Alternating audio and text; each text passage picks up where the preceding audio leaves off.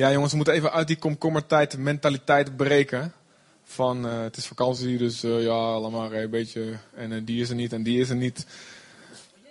Maar Jezus is er wel, halleluja. Hij zit niet aan de Costa. Ja, is hij ook. Sorry hoor, hij is hij ook natuurlijk. maar hij is ook hier aan de Costa del IJssel. Hè? God gaat niet op vakantie, God is hier. En al zijn we met twee of drie, al ben je alleen. Hij is het waard om alles aan te geven, al je passie. En we hebben geen excuus om te zeggen dat het warm is, want hey, in Jeruzalem was het ook warm. En toch schreeuwden ze en juichten ze en kijk eens wat in de psalmen staat. Terwijl het hartstikke warm was in de woestijn. En van de opstandingskracht van binnen krijg je het ook warm, amen. Ja. Dus het is vaak een kwestie van hier even een knop omzetten van God, u bent groot, inderdaad. En ik laat me niet meeslepen door van, nou ja, hoe het een beetje gaat in, in, in, in de samenleving. Van iedereen is weg, dus de Heer is ook vast weg. Nee, God is hier in ons midden, amen. Um, Daarom ga ik ook uh, een hele goede preek geven vandaag. Ik vind het heel jammer, heel zielig voor de mensen die er niet zijn, maar die gaan echt iets missen. Want uh, ik had een beetje de neiging van, ja, zal ik een beetje mijn reservepreken doen in de zomer. Want uh, anders dan wist iedereen, nee, laten we dat maar niet doen. Ik ga me gewoon mijn beste geven. En we gaan het hebben vandaag over het geheim van de smid. Jullie snappen normaal, ik hoef niks meer te zeggen. Dan zijn we klaar, we gaan bidden, kom naar voren. Nee. 1 Samuel 13. Ik denk dat jullie zoiets hebben van, waar gaat die jongen naartoe?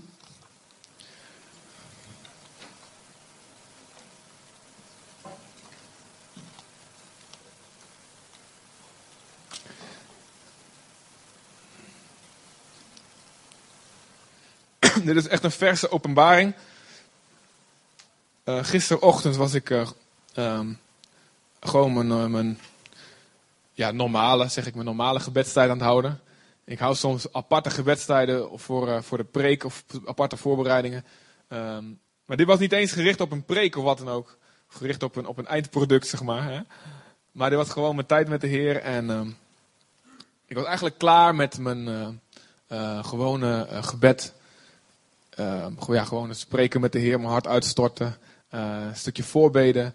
Um, een stukje uh, wat ik altijd gebruik. Soms pak ik een psalm of een gedeelte uit de Bijbel en dat bid ik uit. En dan aan de hand van wat ik daar lees, begin ik dingen te bidden. Um, en uh, daar was ik een, stukje, stukje woord, gewoon lezen van de dag. Ik was eigenlijk overal mee klaar.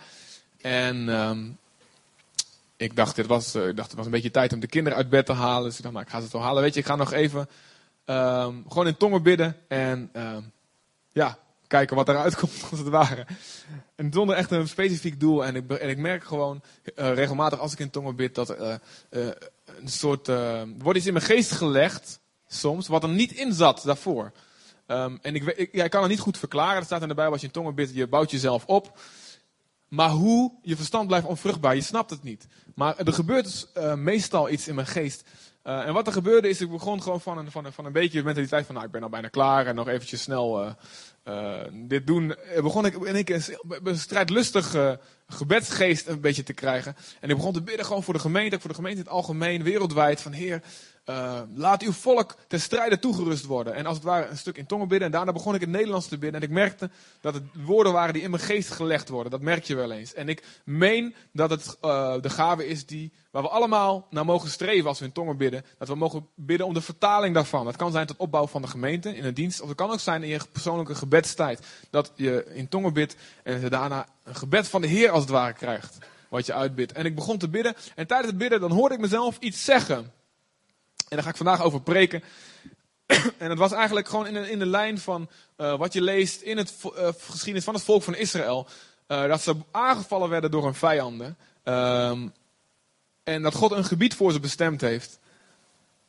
Maar dat dat verdedigd moet worden en dat dat veroverd moet worden. Nou, zijn allemaal militaire ehm, ver, vergelijkingen die je daar ziet.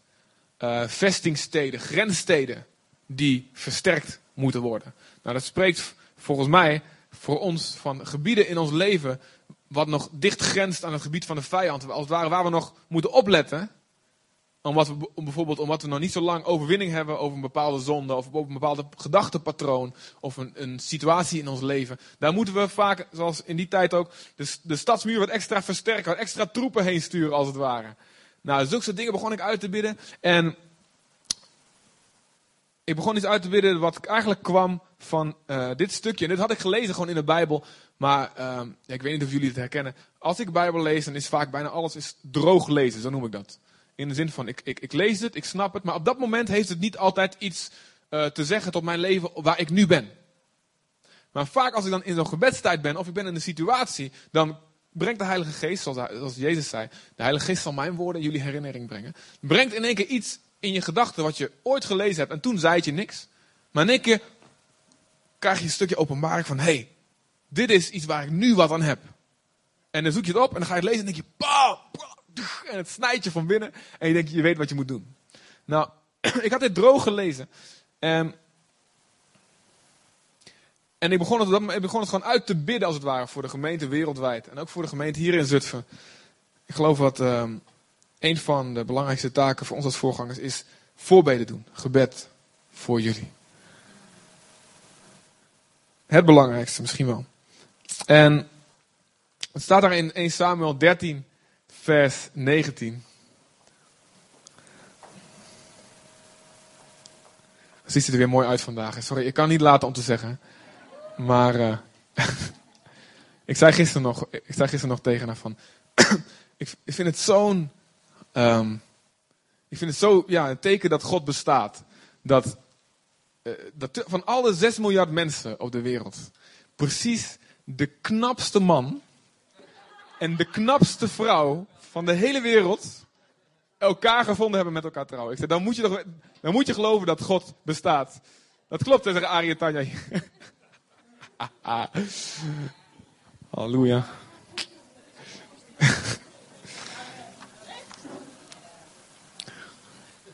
Halleluja.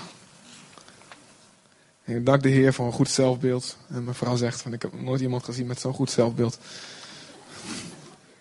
Nou, komt omdat ik gewoon geloof wat de Heer van me zegt. En dat, eh, dat ik een lekker ding ben. Wie zei dat nou ook al laatst? Oh nee, dat was op de battle dat ik het van de week gehoord heb. Sorry. Even een zijpaadje. Zo, 1 Samuel 13 vanaf vers 19. Situatie, Filistijnen hebben een groot deel van Israël uh, bezet. En Israël is eigenlijk een beetje de knechten, de slaven van de Filistijnen. Saul begint met het overwinnen van de Filistijnen. David maakt het af na Saul. We zijn nog in de, in de periode dat Saul nog aan het vechten is. En dan staat hier in vers 19, eigenlijk is het een zijopmerking. In die tijd, ik lees uit de, nieuw, uit de MBV. In die tijd was in heel Israël geen smid te vinden. Zeg maar met, met me mee. Smit. Zegt ons niks, we zijn moderne mensen met fabrieken en zo. Ik ga wel wat uitleggen.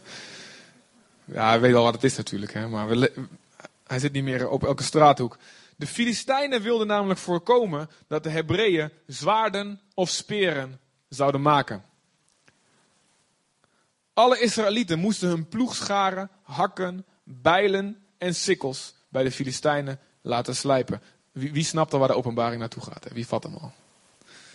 Dit kostte twee derde shekel voor ploegscharen en hakken en een derde shekel voor bijlen en ossen prikken. Zielig voor die ossen, geprikt worden. Bij het uitbreken van de oorlog beschikte dus geen van de soldaten van Saul en Jonathan over een zwaard of een speer. Alleen Saul zelf en zijn zoon Jonathan. Oké, er was geen smid in het land van Israël.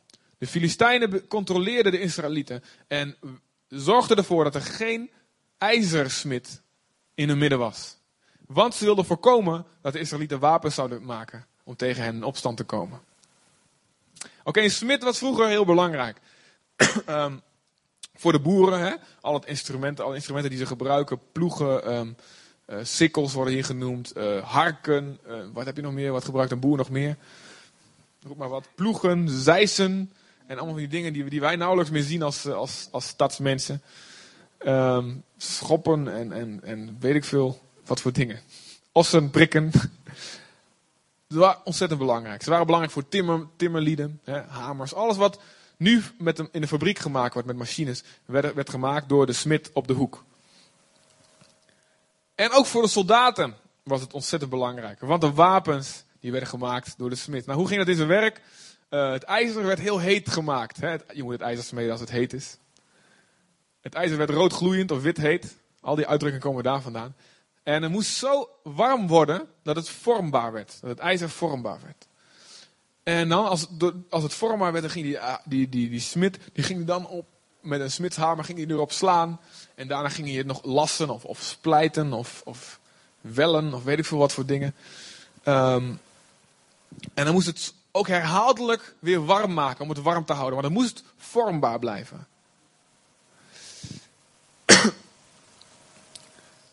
Dus om wapens te hebben heb je een smid nodig. Wat deden de Filistijnen? Ze zorgden dat die smeden er niet waren. Gaan we met me mee naar 1 Petrus 4. Ik wil trouwens iets heel moois laten zien wat van de week eh, een, een eh, anoniem, ik zal niet zijn naam niet noemen, een anoniem driejarige jongen eh, een kunstwerk gemaakt heeft. Het wordt later veel geld waard. Ja, je kunt zien, de hand, ja. Het is een echte tandlekonte. Zit kunstenaarsbloed in, ja, dan eh, krijg je dat. 1 Petrus 4. Achter in de Bijbel, 1 Petrus 4. Vlak voor de brieven van Johannes staat de brieven, staan de brieven van Petrus. 1 Petrus 4. Ik heb het wel eens vaker genoemd. Vers 1. Nu dan, omdat Christus tijdens zijn leven op aarde heeft geleden, moet u zich, en hier gaat het mij om, moet u zich net als hij wapenen met de gedachte dat wie in zijn aardse leven geleden heeft met de zonde heeft afgerekend. Oké, dit gaat over over een verband tussen eh, ja, lijden, als het ware verzoekingen weerstaan en daardoor sterker worden. Maar goed, daar eh, ga ik het nu niet over hebben. Waar mij over gaat, is wat, dat Petrus hier de vergelijking gebruikt. Je moet jezelf wapenen met deze en deze gedachten.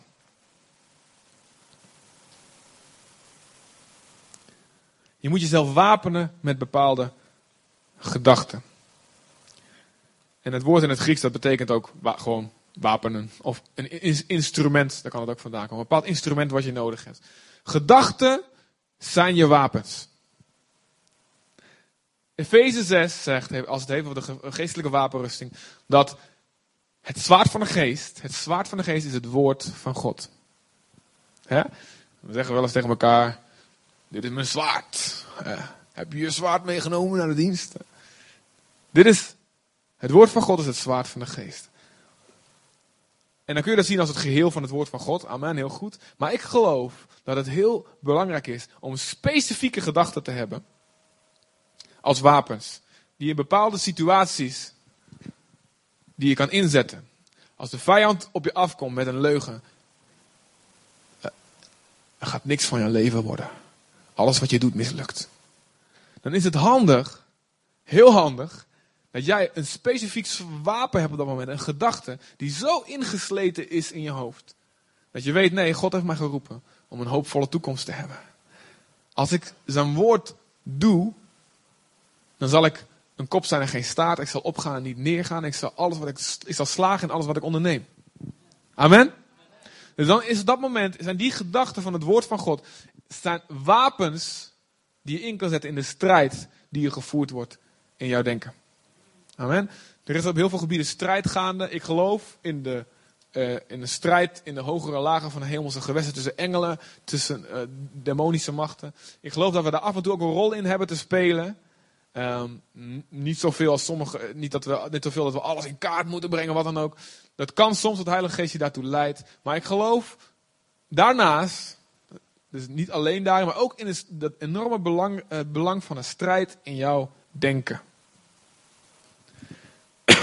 En in Corinthiërs, de brief aan de Corinthiërs, tweede brief, zegt Paulus ook van, joh, de wapenen van onze veldtocht zijn niet menselijk, maar ze zijn krachtig voor God om bolwerken van leugens naar beneden te halen. Je hebt gedachten nodig als wapens. Je hebt gedachten nodig als wapens. We gaan nog even naar 2 Koningen 24. Oh, 2 Koningen 24. Dus waar je net was Samuel. Daarna komen de twee boeken van koningen.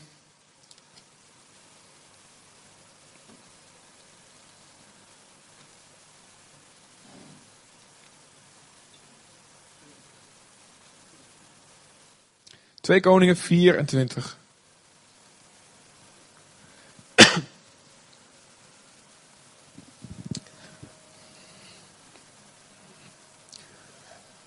En dan in vers 16.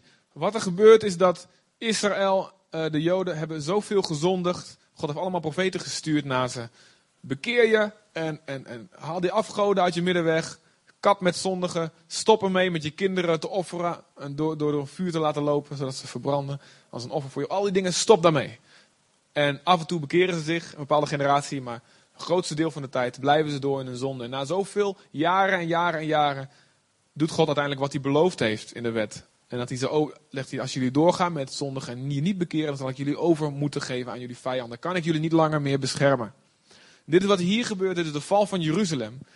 Uh, het noordelijke rijk is al gevallen en het zuidelijke rijk, Juda, wordt nu veroverd door uh, Babyloniërs. Waarna ze in ballingschap gaan voor 70 jaar. Waarna ze daarna weer terugkeren onder Ezra, Nehemia, Zerubbabel. in ieder geval, dit is de val van Jeruzalem.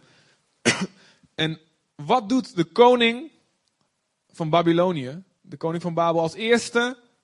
Hij voert alle mensen weg. Maar wie voert hij ook weg? Let op. In vers 16. Ook 7000 militairen en 1000 handwerkslieden en smeden, alle betrokken bij het krijgsbedrijf, werden door de koning van Babylonië in ballingschap weggevoerd. Dus de smeden werden ook weggevoerd. Waarom? Ze waren van strategisch belang. Als de smeden zouden blijven, zou Israël zich opnieuw weer kunnen wapenen. En weer in opstand kunnen komen tegen de koning van Babylonië. Oké, de vijand wil de smeden uit jouw leven verwijderen. Amen. Het eerste wat hij doet, als hij de kans krijgt, is de wapensmeden uit je leven weghalen. Oké, de werkplaats van de smid is de plaats waar jouw gedachten gevormd worden door het woord van God. Het ijzer moet heet worden, moet vormbaar worden, moet flexibel worden. Maar dat staat voor onze gedachten. We moeten open zijn. En niet in onze vastgeroeste gedachten blijven zitten. Ik denk zoals ik altijd denk. We moeten open zijn en zeggen: Ik wil open zijn voor alles wat het woord van God zegt. En dan kan God kan erop blijven hameren, letterlijk.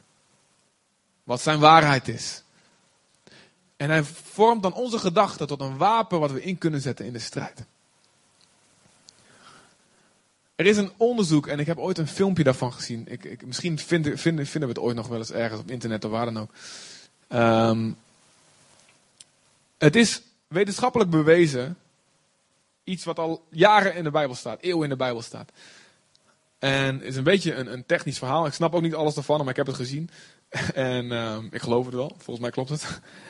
Je hersenen, er zitten bepaalde uh, er zitten neuronen in en synapsen. En nou, ik snap er allemaal niks van. Maar in ieder geval, um, bepaalde stukken die staan met elkaar in verbinding. Bepaalde neuronen staan met elkaar in verbinding. En de verbinding tussen die twee die kan sterk zijn of die kan zwak zijn. En als de verbinding tussen twee. Uh, uh, en, je gedachten die gaan langs, altijd langs een bepaalde, nemen een bepaalde route in je hersenen.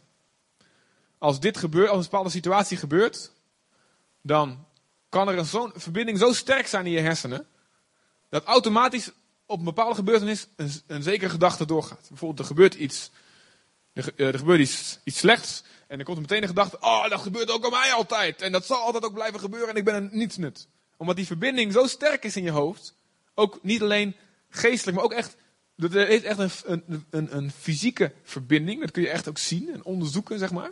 Die verbinding, langs die gedachte staat, is heel sterk. Dus het is heel makkelijk dat je die route neemt. Snap je? Ik, als ik een plaatje had, dan kon ik het beter uitleggen. En bepaalde gedachten die je niet denkt. Stel je hebt nooit positieve gedachten over een bepaalde situatie of in het algemeen. Dan die verbinding in, in je hoofd, waar langs positieve gedachten zouden moeten gaan, die zijn heel zwak. Als een spier die je niet traint, die verzwakt. En andere spieren van negatieve gedachten, die kunnen heel sterk zijn. En automatisch nemen, nemen die gedachten een bepaalde route.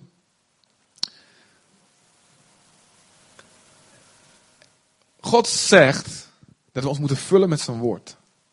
Dat we ons moeten doordrenken met zijn woord. Dat we, moeten, dat we het moeten overdenken. En hij zegt ook dat we moeten het mengen met geloof. Ik geloof gewoon dat, dat wat daar staat, dat het zo is. Niet alleen voor die en voor die, maar echt voor mij.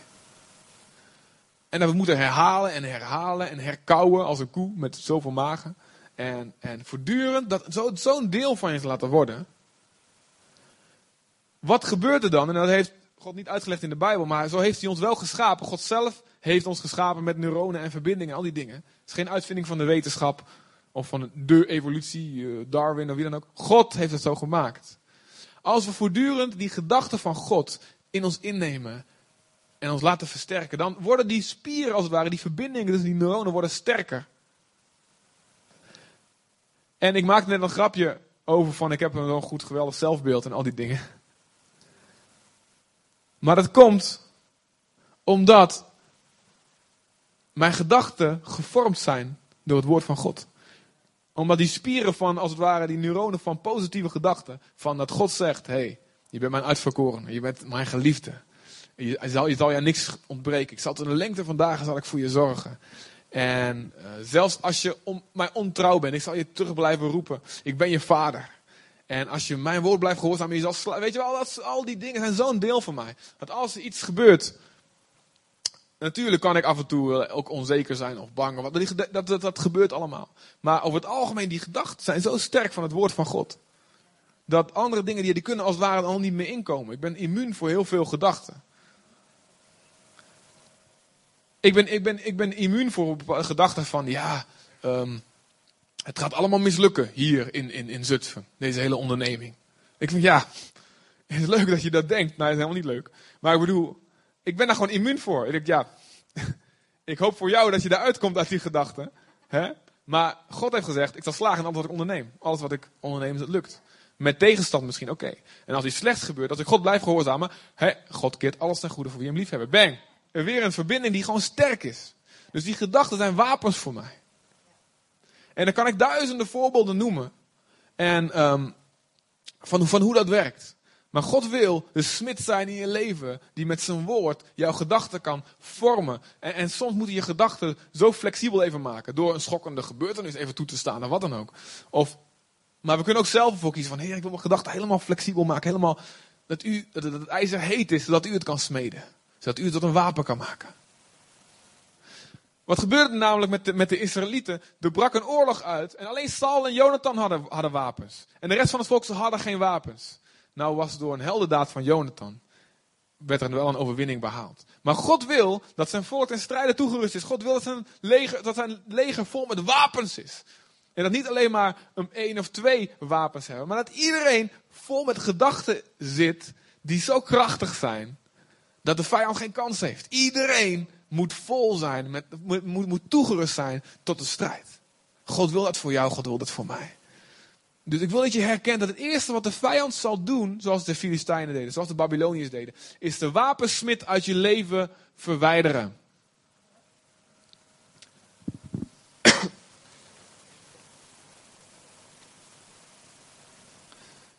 En het woord van God is, ja, ik heb het er vaak over.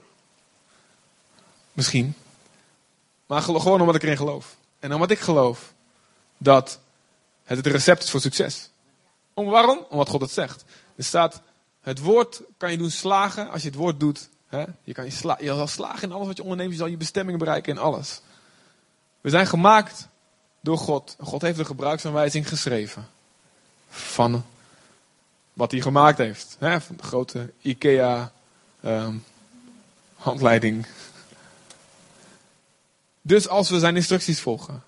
We zullen slagen in alles wat je onderneemt. Man. Soms lijkt het op een mislukking, maar uiteindelijk zal je slagen. Als je blijft gehoorzamen. Als je blijft geloven en doen wat hij zegt. Je zal in alles je doel bereiken. Je zal klaar zijn voor elk goed werk, staat er. Je zal lang leven in het land wat God voor je voorbereid heeft. Al die zegeningen staan er. Er staat in Deuteronomie, dit is geen leeg woord voor je. Dit zijn niet zomaar woorden voor je. Dit is je leven. Wauw. En ik ben het gaan geloven toen ik tot bekering kwam. Ik, was, ja, ik ben altijd gewoon heel simpel in mijn gedachten. En ik, dat, gebied is het wel fijn. En ik nou ja, ik twijfelde vroeger, daarvoor, voor mijn bekering, voordat ik echt God ontmoette, twijfelde ik aan het woord van God. Ja, zal het wel waar zijn? Ik weet het niet hoor. Er staat wel rare dingen in. En de wetenschap zegt dat. En die zegt dat. En de andere geloven zijn er ook en zeggen dit. Toen ik God ontmoette, toen ik me bekeerde en ik wist, ik ben een vieze vuile zondaar en niet alleen die en die en die. Ik heb Jezus nodig. Ik gaf mijn leven aan Jezus en ik wist op dat moment, dit is Dit is de waarheid. Dit is het. Ik snap niet alles. Ik snap, ik snapte nog maar een vierde. Toen ik het voor de eerste keer las, snapte ik nog maar misschien een kwart van wat er stond, snapte ik. Daarna, hè, en ook na, na mijn bekering heb ik het over. Maar ik wist het is waar, het is waar. En als dit waar is, dan is het enige belangrijke eigenlijk wat ik moet kennen. Als ik echt geloof dat het waar is. Dus, um, en als kind had ik heel veel gelezen, maar ik was als tiener, uh, hield ik niet meer van lezen. Ik vond veel leuke computerspelletjes of, uh, of met vrienden, wat dan ook. Dus het, was niet, zat niet meer in mij om te lezen. Maar omdat ik zo van, ik hield van God. Dus ik dacht, nou, ik geloof het. Dus ik moet het weten, ik moet het kennen. En zo heeft het me zo ontzettend gevormd. Zo mijn gedachten zo ontzettend gevormd. Dat ik immuun dus ben. Ik heb wapens voor allerlei situaties. Misschien nog niet voor alles. Maar dat komt wel. En ik ga gewoon door. Ik ga door met de honger naar het woord van God. Ik ga, ik ga door, ik zeg, elke keer kom ik bij die smid. Ik zeg, heer, kom op, hamer een beetje op mijn zwaard. Geef me wat nieuwe zwaarden voor nieuwe situaties. Misschien zo'n zo'n mooie, zo'n prikstok of zo'n ding met van die punten eraan, weet ik veel. Voor een nieuwe strijd misschien die ik moet voeren. Nieuwe aanvallen die op mijn gedachten komen. Heer, geef me nieuwe wapens. Slijp het een beetje bij. Een beetje, wat is een beetje bot geworden, die gedachten. Ik ga voortdurend terug naar die smid. God, mijn wapensmid. Die mij wapens geeft voor de strijd. Amen. ik heb heel veel voorbeelden opgeschreven van gewoon wapens. En het is oneindig eigenlijk. Weet je, nou, God wil me altijd de overwinning geven. Daar ben ik van overtuigd. In elke omstandigheid. Want staat, Paulus zegt, God leidt ons in alle opzichten altijd in de overwinning in Christus. Doet ons altijd zegevieren in Christus. Ja, keer het goed, dat heb ik al genoemd. Ik heb bijvoorbeeld de wapen van, ik hoef nooit te zondigen. Soms, sommige mensen denken van, ja, ja, ik kan niet anders dan zondigen. Was zo heftig die verleiding. Ze nee, God stelt ons nooit God brengt ons nooit een verzoeking die boven ons vermogen ligt. Hij is genoeg voor mij, voor al mijn behoeften. Dat soort wapens heb je. God wil dat ik me voortdurend verblijd in hem. In welke situatie ik ook ben, ik kan altijd me verblijden in hem. Niet altijd per se voelen van oh, halleluja. Maar ik kan wel verblijden in hem. En kiezen voor me te verblijden in hem. Waarom? Hij geeft me een opdracht. Verblijd u in de Heer te alle tijden. Nou, als hij me iets vraagt, kan ik het ook doen. Yeah, kom op. Alles is mogelijk voor wie gelooft. Alles. Waar ik, waar ik mijn voeten op zet, dat zal ik krijgen. Waar ik mijn gebed op zet, van dit wil ik hebben in gebed. En dit is naar de wil van God, ik krijg het. Nou, zulke soort dingen, er zijn zoveel voorbeelden. En zo voor jullie allemaal, jullie hebben specifieke wapens nodig voor de strijd waarin jullie zitten. Voor de aanval die Satan op jullie plaatst, op jullie gedachten, op je gezin, op je werksituatie, op je emoties. Misschien uh, op, op depressie of op ziektes of wat voor dingen maar spelen jullie leven. Huwelijken, uh, conflicten die je voortdurend maar hebt. Overwinning over zonde die je niet kan krijgen. Wat voor dingen die je maar ook nodig hebt. Een stukje vrijheid die je wil voor jezelf. Een stukje anders kijken naar jezelf, naar de wereld, naar situaties, naar je verleden, naar je heden, naar je toekomst. Wat voor strijd je ook in zit, God wil je de wapens geven. En dan geeft het als jij komt, als je terugkomt naar die wapensmid. Het woord van God je laten hameren. Je, je gedachten heet laten worden, zodat ze flexibel en plooibaar worden. En dat je de duivel niet toestaat om die plek, die smidsplaats, of hoe heet dat, smidsen of zo heet dat? Smitsen. Nou, dat is smederij. Oh ja, smitsen. Smitsen, kun je dat zo zeggen? Helemaal verkeerd. Smederij. Smitsen, ook goed? Oh.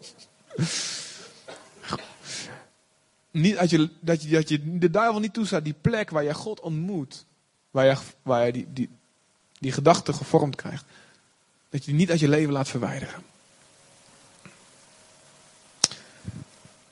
En dat, is, dat heeft te maken met een consequente keuze die we elke keer maken. Ik geloof. Ik geloof op een of andere manier, ik weet niet hoe het zit, maar ik geloof dat ik, ik heb een salving van God gekregen een geest gekregen van het verslinden van het woord van God. Ja. Ik heb er ook voor gekozen, ik heb er naar uitgestrekt, maar ik heb, ik heb hem. Ik heb hem.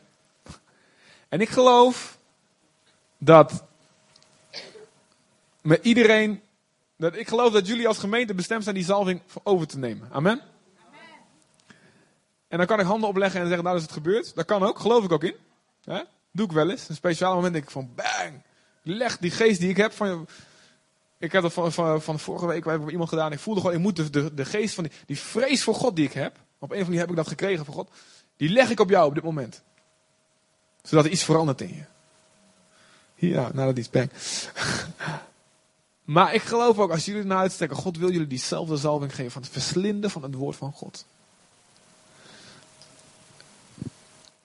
Zorg dat die smid in je leven is. Nou, dat kan, dus, dus de prediking, het feit dat jullie hier zitten, hey, als je je gedachten heet laat worden, hè, en je gedachten flexibel en open zijn, God is nu aan het hameren op jouw gedachten. Dit is, je bent er nu al, oké? Maar God wil meer dan dat. God wil dat je zelf ook tijd neemt om het woord tot je te nemen. En God wil daarnaast dat je in de relaties, en ik geloof dat de twaalf groepen daar super goede plekken voor zijn, plekken hebt om ook te praten over hoe, hoe doe jij dat dan, wat daar staat. Hoe doe jij dat dan? En, en hoe zit het dan met daarmee? Dat je gewoon kan praten. Dat je die relaties ook hebt. En dat je flink af en toe wat botsingen hebt met elkaar. Zodat je leert, nou moet ik dit, dit principe van vergeving, moet ik nou toepassen op die uh, broeder en zuster. Daar kom je in. Dat is die plek waar God je het woord van God scherp maakt. En ik heb eens iets van, ja, weet je, de Joden, sommige van hen niet allemaal, maar sommige van hen die, die bestuderen de Torah negen uur per dag. Chris, Chris Karelsen die belde, die zei van, ik heb een discussie gehad met iemand die negen uur per dag de Torah bestudeerde. Elke dag. En hij won de discussie, Chris. Hè? Omdat hij vol is van de geest. En uh, die Jehovah's getuigen moeten zoveel dingen uit hun hoofd leren. En dan komen ze aan de deur en dan zijn ze rateld. Ja, gelaten 3 vers 13. Nee, Johannes 3. En ze zitten ernaast. Maar ze kennen het woord beter. Waarom laten we ze voorgaan daarin, man? Waarom laten we, waarom laten we hun winnen? Uh, het is natuurlijk geen competitie, weet je wel. Maar ik heb wel eens iets van, jongens, laten we... Hoe komt dat toch? Hoe komt het toch dat we... We, we, we, we beleiden dat we, dit is het woord van God en dit is niks, er gaat niks boven dit. Maar we moeten het tot ons nemen. We moeten het zo'n deel van ons laten worden. Jeremia 15, vers 16. Ik vond hem toevallig gisteren in, in, concordantie. Daar staat, uh, ik zal hem even voorlezen. Ik heb een andere Bijbel openmaken, want daar staat hij een stuk mooier.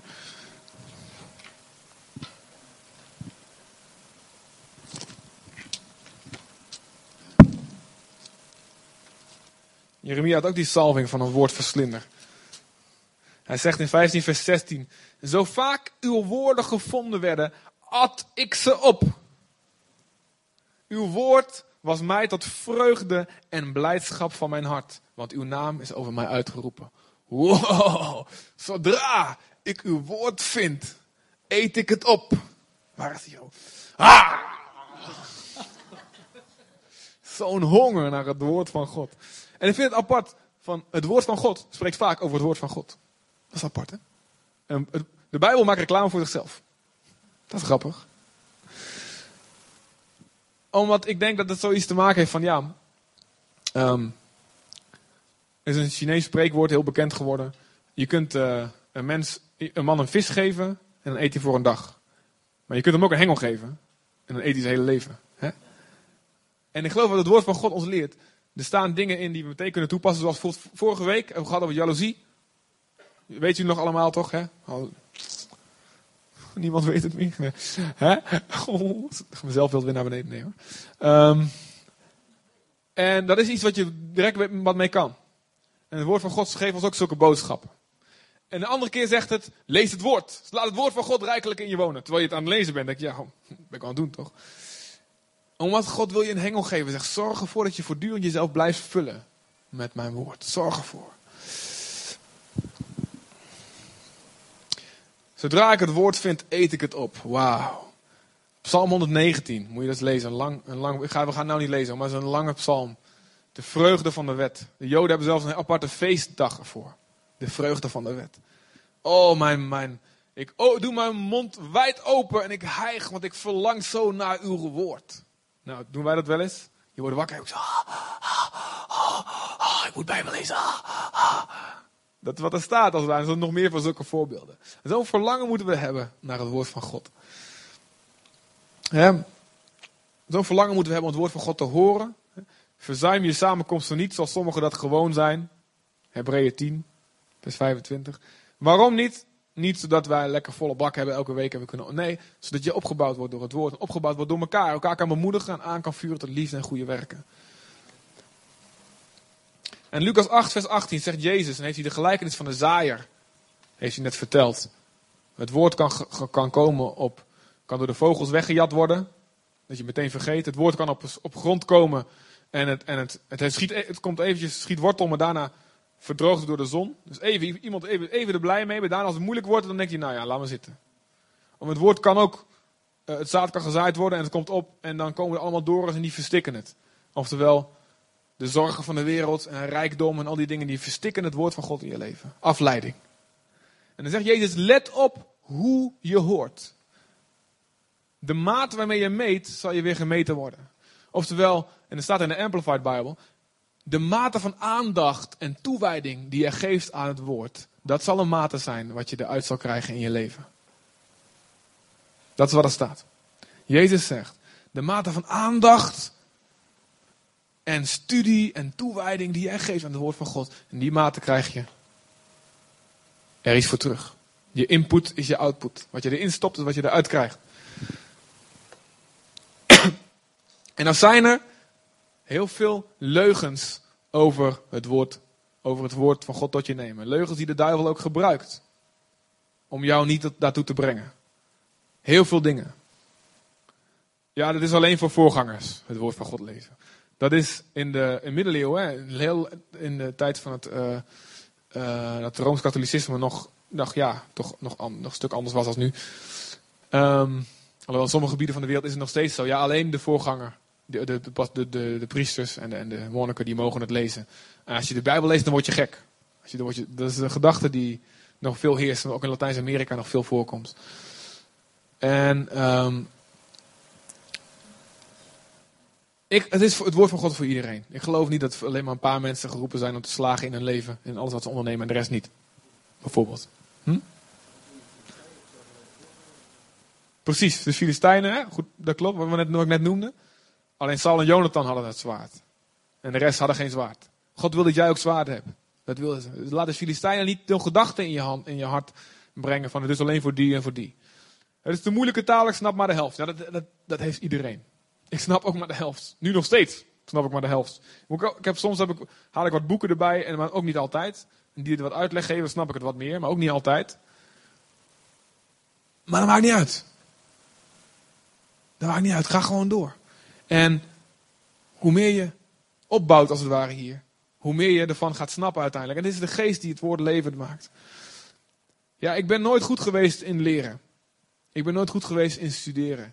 Ja, dat is, ik heb altijd moeite daarmee gehad met concentratie. Oké, dat snap ik, dat begrijp ik. Er zijn inderdaad sommige mensen die hebben van nature, genetisch, meer, uh, ja, die kunnen gewoon makkelijke dingen onthouden, wat dan ook. Of die hebben uh, ja, die verbindingen op een of andere zijn sterker. Er is, is een genetisch verschil tussen mensen, tussen hoe goed ze kunnen leren en niet.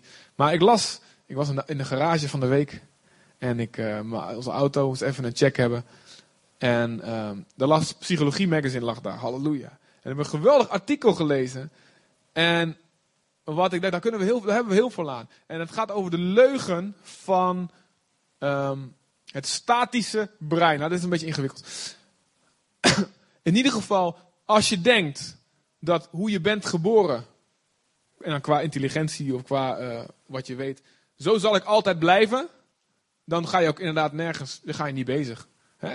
Dan ga je niet bezig met studeren of met leren of met het woord van God dat je neemt. Want je denkt, nou ja, of je nou denkt dat je slim bent of, of denkt dat je juist niet slim bent. Je gaat, het stopt je honger. Want je denkt, dat kan toch niet veranderen.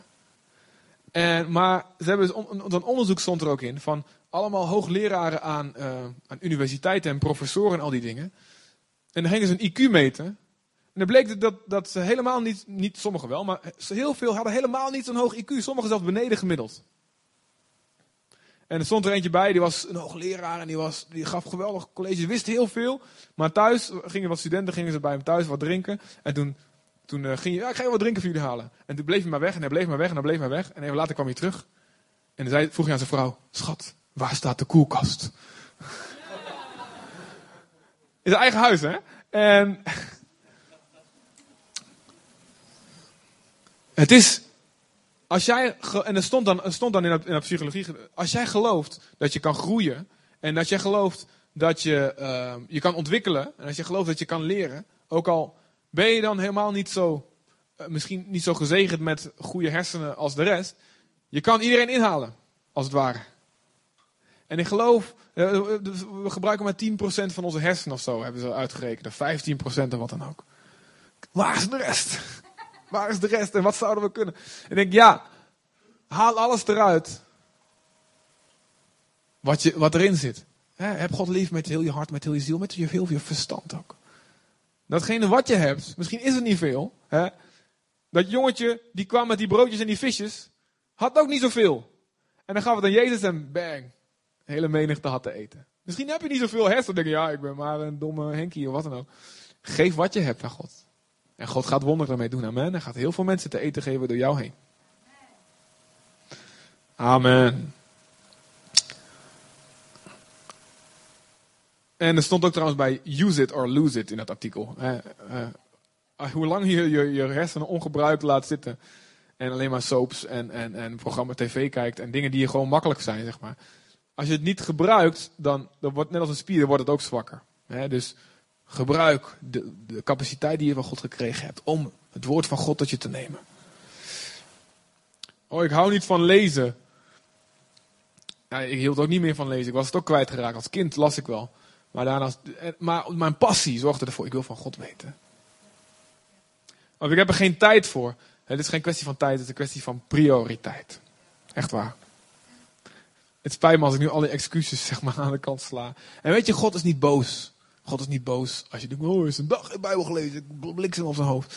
God is niet boos. God houdt van je. En God wil dat je wapens hebt. God wil dat je ten strijde toegerust bent. Dat je niet weerloos bent als de duivel je aanvalt met allerlei gedachten. Snap je? Gods liefde zorgt ervoor. Zeg, kom op. Kom in die smederij. Laat, laat je vormen door mijn woord. Of misschien denk je van, ja, ja, ik heb het al zo te vaak, niks, te, vaak gedaan, is al te laat voor mij. Weet je, mijn gedachten zijn al zo vastgesleten. Ja, daar kom ik nooit meer uit. Het is inderdaad moeilijk hè, als er dingen vastgeroest zijn. Zoals inderdaad wat ik zei over die neuronen. Die kunnen heel sterk zijn. Maar het is nooit te laat om te leren. En zelfs een oude hond. Nee, kun je nieuwe trucjes leren. Of hoe gaat dat spreekwoord? Of is het juist dat je het niet kan leren? Verkeerd spreekwoord, vergeet dat woord, spreekwoord. Het is nooit te laat om te leren. Hè? En het is nooit te laat om die spieren, die negatieve spieren in je hoofd, in je hersenen, die verbinding te laten verzwakken en nieuwe aan te maken. En misschien denk je, ja, God ziet me al aankomen. Ja, dan kom je nu, naar die preek. Nou, nou hoeft het niet meer hoor. Je zult je verbazen hoeveel mensen zo denken over God. Maar als je na gaat denken, is eigenlijk een belediging. Je denkt dat God het humeur heeft van je, van je buurman of zo, weet je wel. God is een liefdevolle, geweldige God. En hij ziet jouw hart. En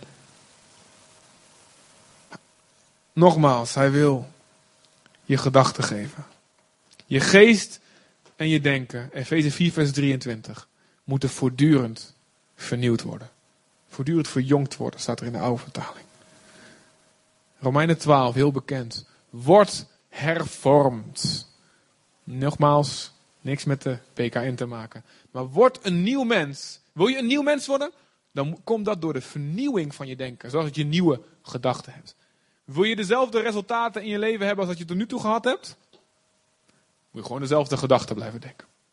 Maar wil je nieuwe resultaten? Wil je meer van God? Wil je meer wonderen? Wil je meer kracht? Wil je meer liefde? Wil je meer overwinning? Wil je weer meer mensen tot Jezus leiden? Wil je meer vrucht dragen? Wil je meer passie? Wil je meer het leven leiden? Wil je meer succes? Het leven leiden wat God je gegeven heeft? Wil je daar meer van? Nieuwe gedachten. Ruil die oude in, ruil die leugens in voor nieuwe gedachten. Amen. Laten we niet meer toestaan dat Satan de, sme de smeden uit ons leven verwijdert. Dat is het eerste wat hij doet. En ik wil dat je dat onthoudt en herkent. Dat is het eerste wat hij doet. Amen. Laten we staan.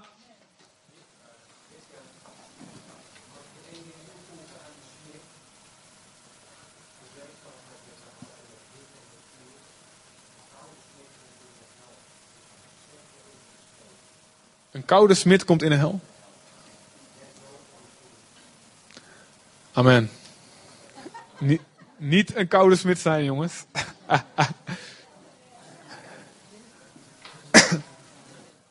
Oké, dus ontdek het geheim van de smid. Amen.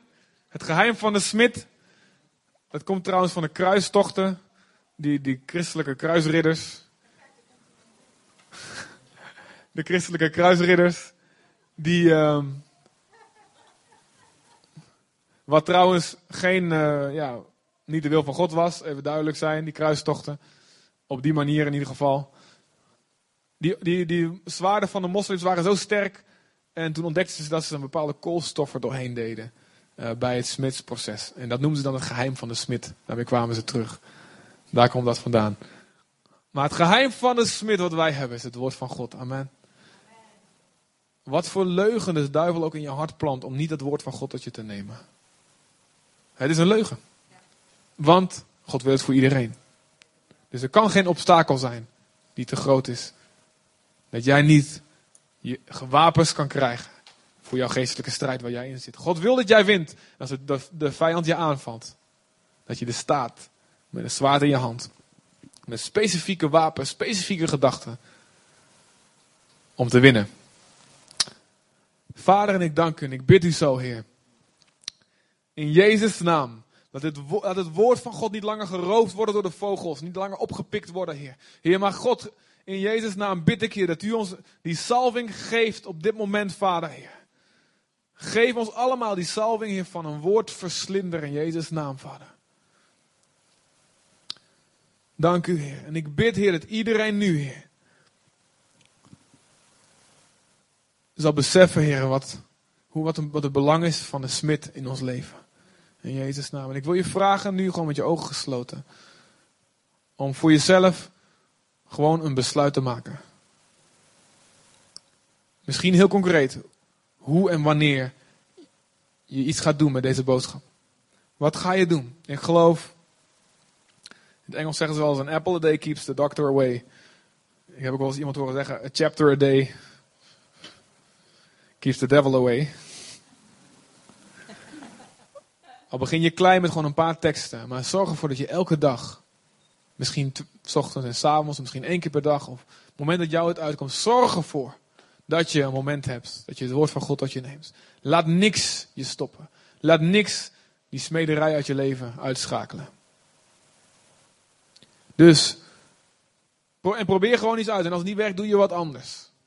En als je het niet lukt en als je het vergeet en als je het een paar weken niet gedaan hebt, niet balen en het nooit meer doen. Gewoon opnieuw beginnen. En opnieuw en opnieuw en opnieuw en opnieuw.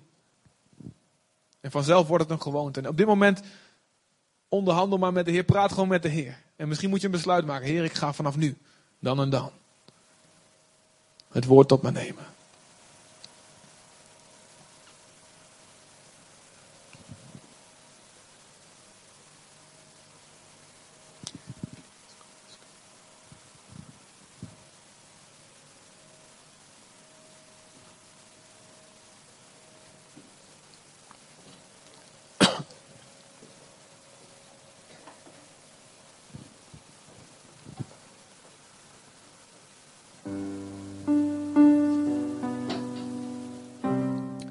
Vader God, laat ons, Heer, vol zijn van uw woord. Laat het woord van Jezus rijkelijk in ons wonen. In Jezus' naam, Heer, laat de duivel niet meer ons ontwapenen. Maar laat ons vol met wapens zijn. Voor elke situatie een gedachte uit uw woord. Scherp geslepen. Wat diep in het hart van de vijand, van diep in het hart van de leugen zal doordringen. En ons zal doen overwinnen. In Jezus' naam verklaar ik overwinning over ziekte, overwinning over depressie. Overwinning over duisternis, overwinning over conflicten, overwinning over zonde. Overwinning over hetzelfde en hetzelfde, maar altijd tijd weer. Overwinning over het gevoel van waar leef ik eigenlijk voor? Wat doet mijn leven naartoe? Overwinning over het gevoel van man, weer een saaie dag waarin niks gebeurt, waarin ik vastzit in deze situatie. In Jezus' naam nieuwe gedachten, nieuwe gedachten, nieuwe gedachten, nieuwe gedachten over jou. In Jezus' naam een verjonging van je geest, voortdurend nieuwe gedachten door het woord van God. In Jezus' naam ontvang de salving van een woordverslinder. Ik spreek uit in Jezus' naam wie zich naar uitstrekt. Je zal nooit meer dezelfde zijn, maar waar je het woord van God vindt, vreet je het op. In Jezus' naam. En spreek over jullie uit een honger. Een honger niet naar brood, maar naar de woorden die uit de mond van God uitgaan. Daar leef je van. Want dit is geen leeg woord, dit is jouw leven. In Jezus' naam. In Jezus' naam. Dank u, Heer. Woord van God. Vijf, zes, vijf. Spreek tot mij, zacht en stil,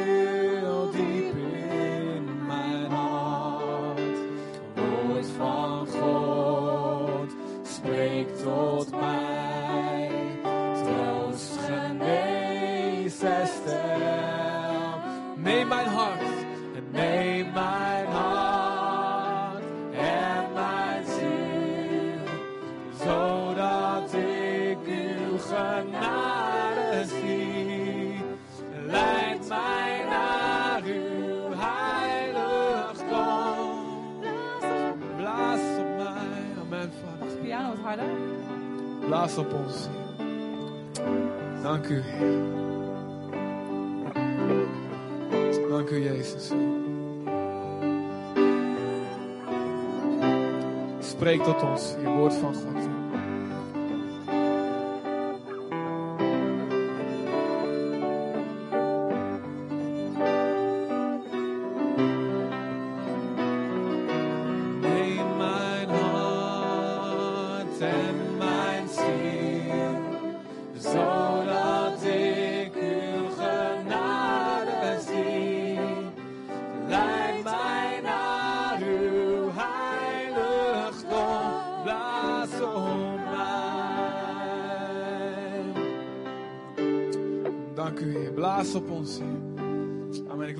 Oproepen doen voor we gaan afsluiten. Ik wil twee oproepen doen. En de eerste is voor diegenen die zeggen van, nou leg mij maar de handen op. Dat je die salving overdraagt van een honger naar het woord. Dan doe ik dat. Dat moet je heel bewust doen. Moet je heel bewust doen. En dit is geen quick fix of een magisch iets, dat is het niet.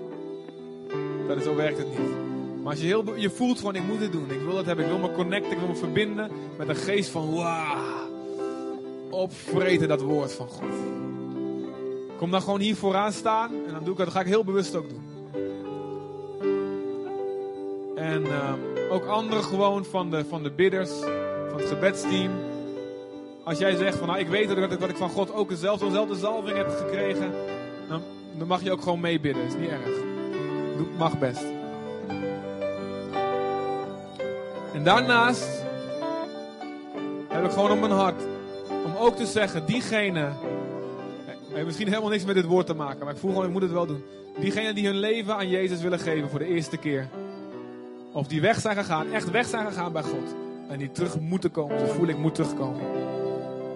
Ik weet wat het woord van God zegt. Het woord van God zegt, God houdt ontzettend veel van je. God heeft je lief, God heeft je gemaakt. Maar je moet wel tot bekering komen. Want je bent ook een zondaar. Die door God gescheiden, van God gescheiden wordt door jouw zonde. En als jij zegt, dat moet ik doen. Je moet mijn zonde aan de kant schuiven. En je moet geloven in Jezus. Die jouw straf gedragen heeft. Die jij verdiend hebt voor jouw zonde. Voor jouw opstand tegen God. Voor het volgen van je eigen weg. En je wil dat doen vandaag. Kom dan ook naar voren. Kom dan hierbij staan. En geef dat even aan. En dan geef ik het allemaal over aan jullie. Speel nog maar door en dan sluiten we af. We gaan hierdoor bidden. En gewoon korte handen opleggen. Als jij weet, je moet op bekering komen, je moet je leven aan Jezus geven. Kom gewoon hierbij staan. En dan sluiten we af. Volgende week hebben we Canción, de band. Dus dan hebben we eh, ja, veel dansen en zingen en al die dingen. Neem ook mensen mee van buiten. Neem iedereen mee. Er zijn heel veel mensen die houden van salsa en die houden van Spaanstalige dingen of wat dan ook. Het is heel populair. Dus neem je vrienden, neem jong en oud, neem ze mee. Zodat ze gewoon hier in aanraking komen ook met Gods woord. Amen. Bless you en wij gaan bidden.